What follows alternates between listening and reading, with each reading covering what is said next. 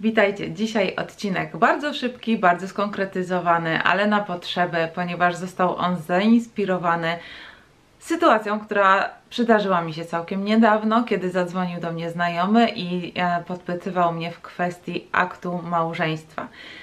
Temat y, stanu urzędu cywilnego którymś z odcinków już, już poruszałam, natomiast to był odcinek, który może nie wszystkim e, był, będzie potrzebny, dlatego pomyślałam, że właśnie wyizoluję temat Urzędu Stanu Cywilnego w odrębnym odcinku.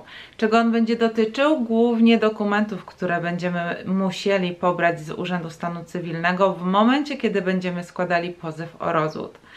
No więc po kolei, w momencie kiedy decydujemy się na złożenie pozwu o rozwód, to będziemy musieli do niego dołączyć załączniki. Jednym z takich załączników jest odpis aktu małżeństwa, a w przypadku, jeśli posiadamy wspólne dzieci, to również odpisy aktów urodzenia tychże dzieci.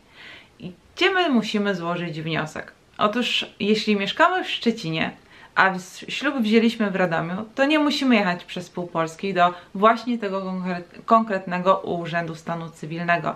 Możemy pójść do dowolnego właśnie w Szczecinie lub y, gdzieś, gdzie jest blisko nas taki Urząd Stanu Cywilnego i tam złożyć wniosek o to, aby przesłano z Urzędu Stanu Cywilnego z Radomia do Urzędu Stanu Cywilnego w Szczecinie nasz akt małżeństwa. Jeśli nasze dzieci nie urodziły się w Radomiu, na przykład w Ostrowcu Świętokrzyskim, to też możemy w Szczecinie złożyć taki wniosek o te odpisy i wtedy to urząd, um, urzędy już kontaktują się między sobą, a Wy odbieracie w jednym urzędzie dokumenty z kilku urzędów, jeśli rzeczywiście była taka Wasza sytuacja, że, że byliście rozsiani po różnych miejscowościach. Co jest istotne w momencie, kiedy jeśli zdecydujemy się na złożenie pozwu o rozwód, to warto zawczasu nie brać tych e, dokumentów z Urzędu Stanu Cywilnego.